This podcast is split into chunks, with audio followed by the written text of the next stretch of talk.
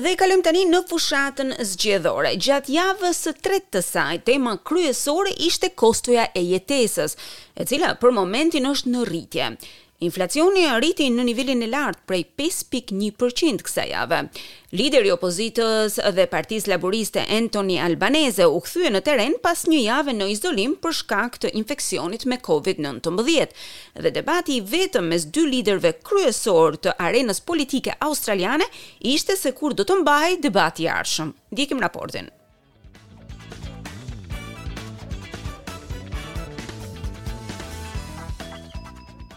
Oh, but these are my favorite bananas. Oh, oh yeah. Oh gosh, look at the price of them. Yeah. That's eight bucks. Duke nisur ditën me një udhëtim në pazar, Jim Chalmers nga partia laburiste, Kristina Keneally dhe kandidatja e Reid, Sally Sitou, ecën nëpër rreshtat brenda një dyqani frutash në Homebush, në perëndim të qytetit të Sidnit. Duke theksuar se çmimet janë rritur, zëdhënësi për thesarin në opozitë, Jim Chalmers fajësoi qeverinë australiane. Power prices are going up, healthcare is becoming harder to access and harder to afford, groceries are going through the roof. Çmimet e energjisë elektrike po rriten, kujdesi shëndetësor po bëhet më i vështirë për t'u marrë, ai po bëhet më i papërballueshëm. Çmimet e ushqimeve janë rritur, benzina është e papërballueshme për shumë familje. Gjithsesi, ka patur presione mbi koston e jetesës dhe kjo është një krizë në koston e jetesës, e cila ka ndodhur nën mbikëqyrjen e Scott Morrison, tha ai. Të enjten u publikuan shifrat e inflacionit, të cilat treguan një rritje në nivelin pesë pikë një përqind, një nivel më i lartë se sa parashikimet e ekspertëve. Sipas të dhënave të fundit nga operatori australian i tregut të energjisë, çmimet e energjisë me shumicë janë rritur në njëqind e dyzet e një për qind, krahasuar me të njëjtën kohë vitin e kaluar. Kryeministri thotë se rritja e çmimeve ka ardhur si pasojë e presioneve në rang ndërkombëtar. Coal prices have gone up around the world and now we're seeing those thermal coal prices come down. Çmimet e qymërgurit janë rritur në të gjithë botën. Tani po ulen përsëri. Për të qenë i drejtë, Mark, gjatë tremujorit të parë të këtij viti tensionet në Europë ishin mjaft të dukshme. Ka patur shumë presione mbi çmimet e energjisë dhe ato tashmë janë rritur, dhe ky ndryshim do të vijojë edhe në muajt në vazhdim.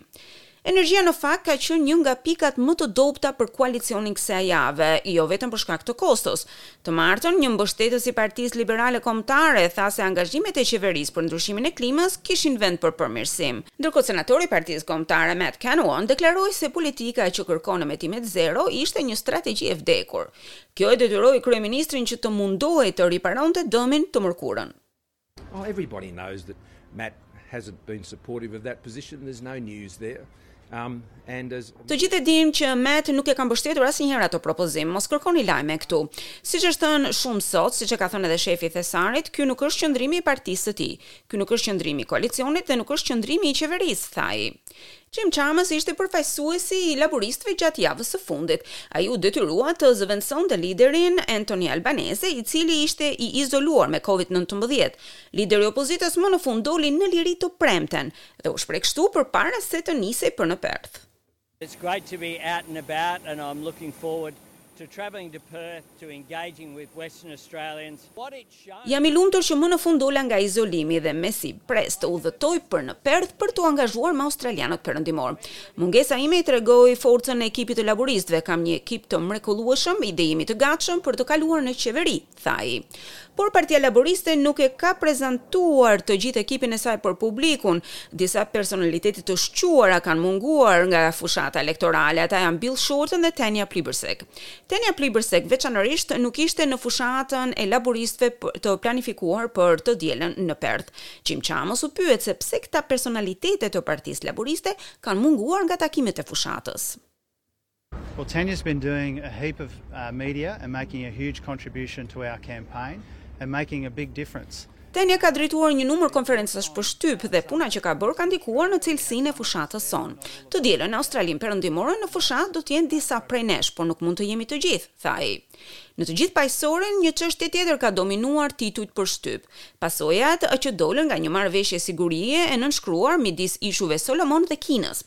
Ministrja e Jashtme Marise Payne ka bërë thirrje për më shumë detaje nga ishujt Solomon. Megjithatë, ajo është kritikuar për shkak se nuk u paraqit në Kombin e Paqësorit përpara nënshkrimit të paktit. Ka patur një mungesë transparence në lidhje me këtë marrëveshje dhe ne do të inkurajonim një transparencë të nivelit më të lartë në mënyrë që të jemi në gjendje të angazhohemi. Por të premten, kryeministri i Ishujve Solomon Manasseh Sogavare e kritikoi sjelljen e Australisë në lidhje me një marrëveshje sigurie që u krye me Shtetet e Bashkuara me Britaninë e Madhe vitin e kaluar. I learnt of the AUKUS treaty in the media Mister Speaker, one would expect that as a member of the Pacific family. Mësova për traktatin e Aukus në media, mezi prisja që si anëtar i familjes së paqësorit të informohesha në lidhje me këto traktate, duhet që të ishin më transparentë. Kryeministri Scott Morrison e mbrojti sjelljen e tij, ai u sulmua gjithashtu nga kryeministri francez vitin e kaluar, kur qeveria tërhoqi nga procesi një marrëveshje për nëndetëset bërthamore të nënshkruar me Francën, kjo në favor të traktatit Aukus. I did have that conversation with the Prime Minister the day following the announcement and and no issues were raised at that time. E kam patur këtë bisedë me kryeministrin një ditë pas shpalljes së traktatit dhe kjo çështje nuk u ngrit për bisedime. Padyshim, me kalimin e kohës, me daljen e marrëdhënieve të reja ka patur edhe ndikime të tjera në perspektivën e marrë nga kryeministri i Ishujve Solomon, tha ai. Javën e ardhshme do të ketë disa debate politike midis ministrave në fuqi dhe ministrave në opozitë, si dhe një përplasje tjetër të mundshme midis Scott Morrison dhe Anthony Albanese. Por një debat mbi debatet e ardhshme nuk i lejoi palët që të vendosnin se kur do të përballeshin për publikun. Kryeministri ka pranuar të debatojë në kanalet shtatë dhe nëntë në televizion, por zoti Albanese ka kërkuar një përplasje në klubin kombëtar të shtypit. Zoti Albanese kishte avantazh ndaj kryeministrit në debatin e javës së kaluar. Një debat i dytë do të vendoset së shpejti, përpara ditës së votimit, e cila është vetëm tre javë larg.